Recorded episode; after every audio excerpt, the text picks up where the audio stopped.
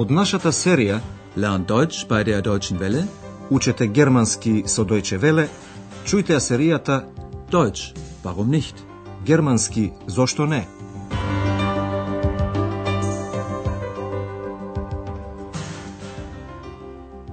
Liebe Hörerinnen und Hörer. Драги слушателки и слушатели, денес ќе ја слушнете 12-тата лекција од четвртата серија. Во минатата емисија слушнавте едно интервју за островот Риген. Постои организирана иницијатива која се бори за зачувување на природата на островот. Слушнете го тоа уште еднаш и внимавајте на формата конјунктив 2. Wäre. Sie haben ja unsere Insel gesehen. Sie ist noch nicht zerstört. Und wir kämpfen dafür, dass sie so bleibt. Das wäre schön. Во денешната емисија со наслов Клаус Штетебека, Клаус Штетебека, ќе ве пренесеме во 14. век. Ке слушнете исечоци од животот на познатиот разбойник Клаус Штетабека.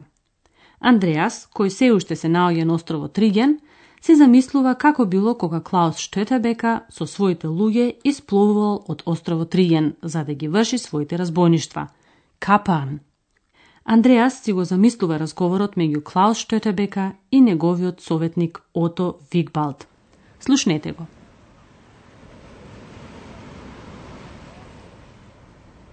Ich stehe hier auf den Felsen von Rüben und sehe aufs Meer hinaus. Zwei Schiffe sehe ich dort. Und denke an Klaus Störtebecker, den berühmten Seeräuber. Hören Sie, könnten das nicht Stimmen von damals sein? Von 1388?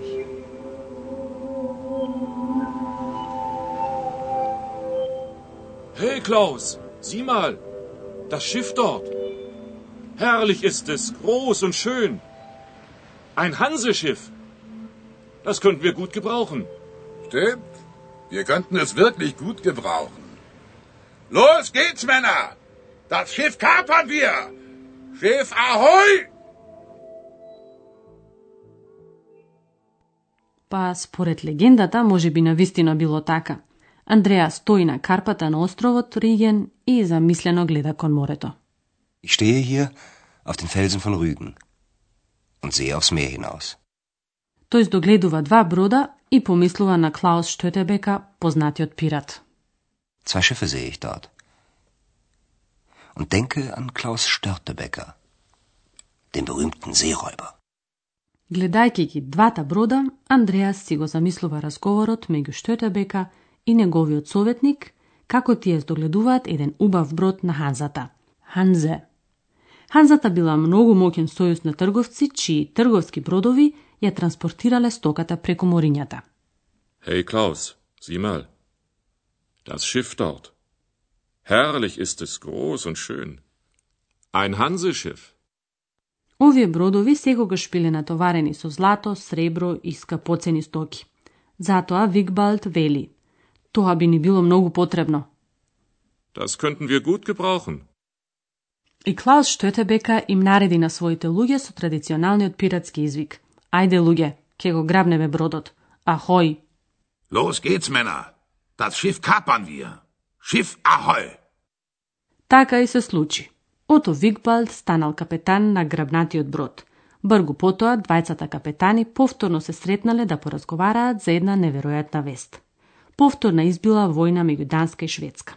Кралот на Шведска потекнувал од Мекленбург и бил братучет на војводата од Мекленбург. Војводата од Мекленбург секако сакал да му помогне на својот братучет и бидејќи немал доволно луѓе, сосема официјално побарал помош од пиратите. Пиратите добиле така наречени дозволи за грабнување, капа прифе, и на тој начин биле заштитени од страна на војводата во пристаништата Визмар и Росток во Мекленбург.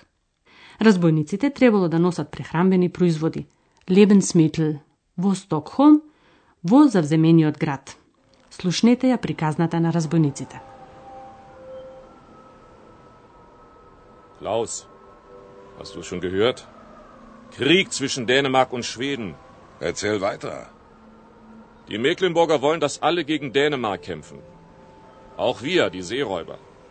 Wir bekommen Kaperbriefe von den Mecklenburgern. Diese Chance sollten wir nutzen. Und wie? Wir bringen Lebensmittel nach Stockholm. Dafür sind wir in den Häfen von Rostock und Wismar sicher. Hast du schon gehört, was die anderen Seeräuber machen? Sie machen mit. Du hast recht. Dieser Krieg ist unsere Chance. Wir werden reich und mächtig. Also, auf nach Stockholm! Тогаш во 1388 година се водела војна меѓу Данска и Шведска. Klaus, hast du schon gehört?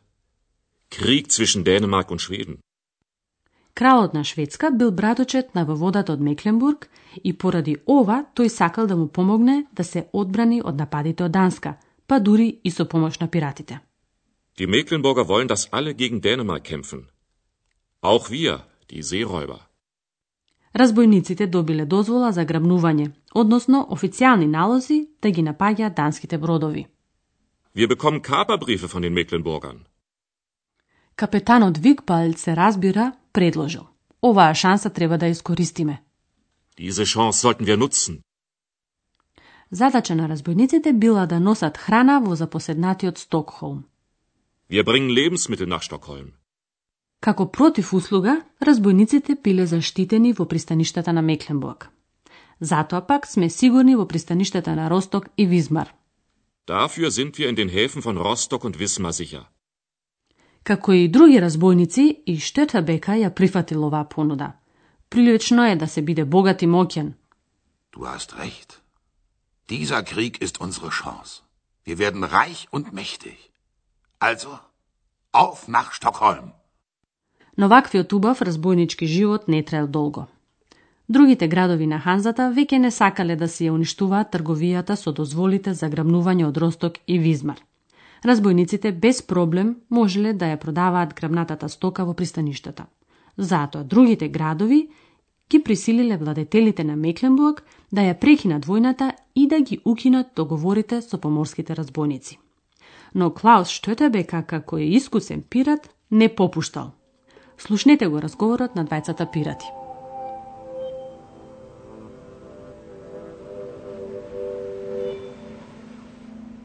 Klaus Störtebecker.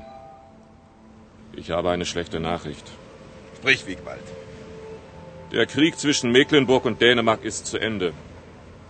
Die Hansestädte haben Mecklenburg dazu gezwungen. Was ist mit unseren Kaperbriefen? Aus und vorbei. Das könnte unser Ende sein. Wir sollten nachdenken, was wir tun können. Klaus Störtebecker gibt nicht auf. Niemals. Zehn Jahre bin ich nun schon Seeräuber. Und ich bleibe es. Капетанот Вигбалт му ја пренал пораката на Штетебека. Клаус, имам лоши вести. Klaus Störtebecker. Ich habe eine schlechte Nachricht. Лошите вести за пиратите биле. Војната меѓу Мекленбург и Данска е завршена. Der Krieg zwischen Mecklenburg und Dänemark ist zu Ende. Градовите на Ханзата го принудиле Мекленбург да ја прекине војната со Данска. Die Hansestädte haben Mecklenburg dazu gezwungen. Градовите на Ханзата биле градови кои се здружиле во Сојузот Ханзе. На овој начин им биле гарантирани многу права на морињата и пристаништата. Тие веќе не сакале да бидат лишувани од тие права. Пристаништата Визмар и Росток во Мекленбург исто така припаѓале на Ханза Сојузот. Овие два града биле принудени да ги раскинат договорите со пиратите. Was ist mit unseren Kaperbriefen?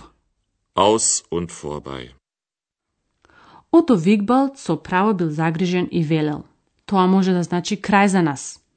Das könnte unser Ende sein. Затоа тој предложил. Треба да размислиме што би можеле да сториме. Wir sollten nachdenken, was wir tun können. За Клаус Штетебека било јасно. Клаус Штетебека нема да попушти. Klaus Störtebecker gibt nicht auf. Niemals. Но во 1402 година и тој морал да попушти.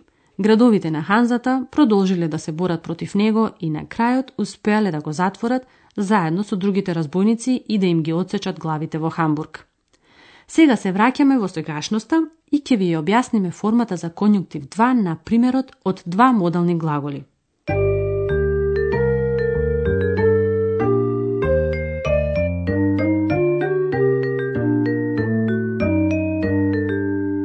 Со со формата за конјунктив 2 на модалниот глагол können, може, се искажува предпоставка. Wir könnten das Schiff gut gebrauchen. Формата за конјунктив 2 се гради на следниот начин. На основата на глаголот се додава обележието за претерит, те и наставката за лицето. Слушнете ја најнапред формата за инфинитив, потоа основата на глаголот, а најпосле и формата на конјунктив 2 на модалниот глагол können. Können. Können. Wir könnten. Wir könnten das Schiff gut gebrauchen. Со формата за конјунктив 2 на модалниот глагол sollen се изразува совет. Diese Chance sollten wir nutzen. Формата за конјунктив 2 се гради исто како и кај модалниот глагол können. Wir sollen. Wir sollten. Diese Chance sollten wir nutzen.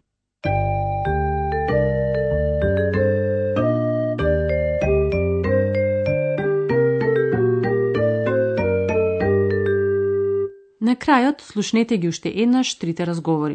Седнете удобно и слушајте внимателно.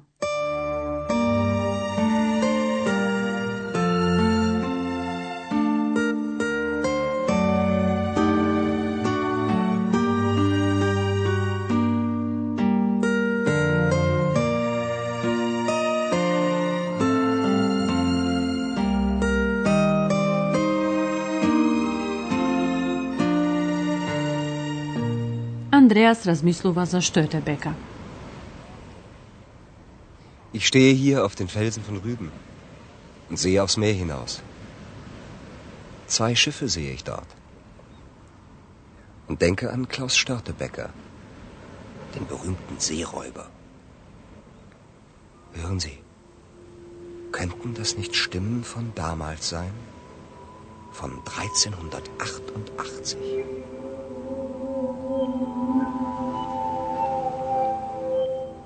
Hey Klaus, sieh mal, das Schiff dort. Herrlich ist es, groß und schön. Ein Hanseschiff. Das könnten wir gut gebrauchen. Stimmt. Wir könnten es wirklich gut gebrauchen. Los geht's, Männer! Das Schiff kapern wir! Schiff Ahoi! Времето на 14. век било време на војни и пиратство. Klaus, hast du schon gehört? Krieg zwischen Dänemark und Schweden. Erzähl weiter. Die Mecklenburger wollen, dass alle gegen Dänemark kämpfen. Auch wir, die Seeräuber. Wir bekommen Kaperbriefe von den Mecklenburgern. Diese Chance sollten wir nutzen. Und wie? Wir bringen Lebensmittel nach Stockholm. Dafür sind wir in den Häfen von Rostock und Wismar sicher. Hast du schon gehört, was die anderen Seeräuber machen? Sie machen mit.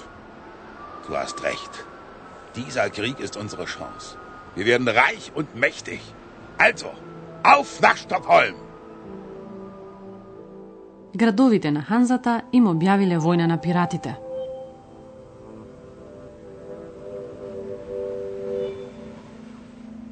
Klaus Störtebecker, ich habe eine schlechte Nachricht. Sprich, Wiegwald. Der Krieg zwischen Mecklenburg und Dänemark ist zu Ende. Die Hansestädte haben Mecklenburg dazu gezwungen. Was ist mit unseren Kaperbriefen? Aus und vorbei. Das könnte unser Ende sein. Wir sollten nachdenken, was wir tun können. Klaus Störtebecker gibt nicht auf. Niemals. Zehn Jahre bin ich nun schon Seeräuber. Und ich bleibe es.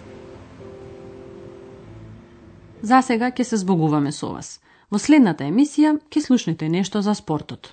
За една кајакарска екипа од Мекленбург Форпоман. А до тогаш до слушање. Тоа беше германски Зошто не? Радиоговорен курс на Херат Мезе во продукција на Дојче Веле и на Гетовиот институт од Минхен.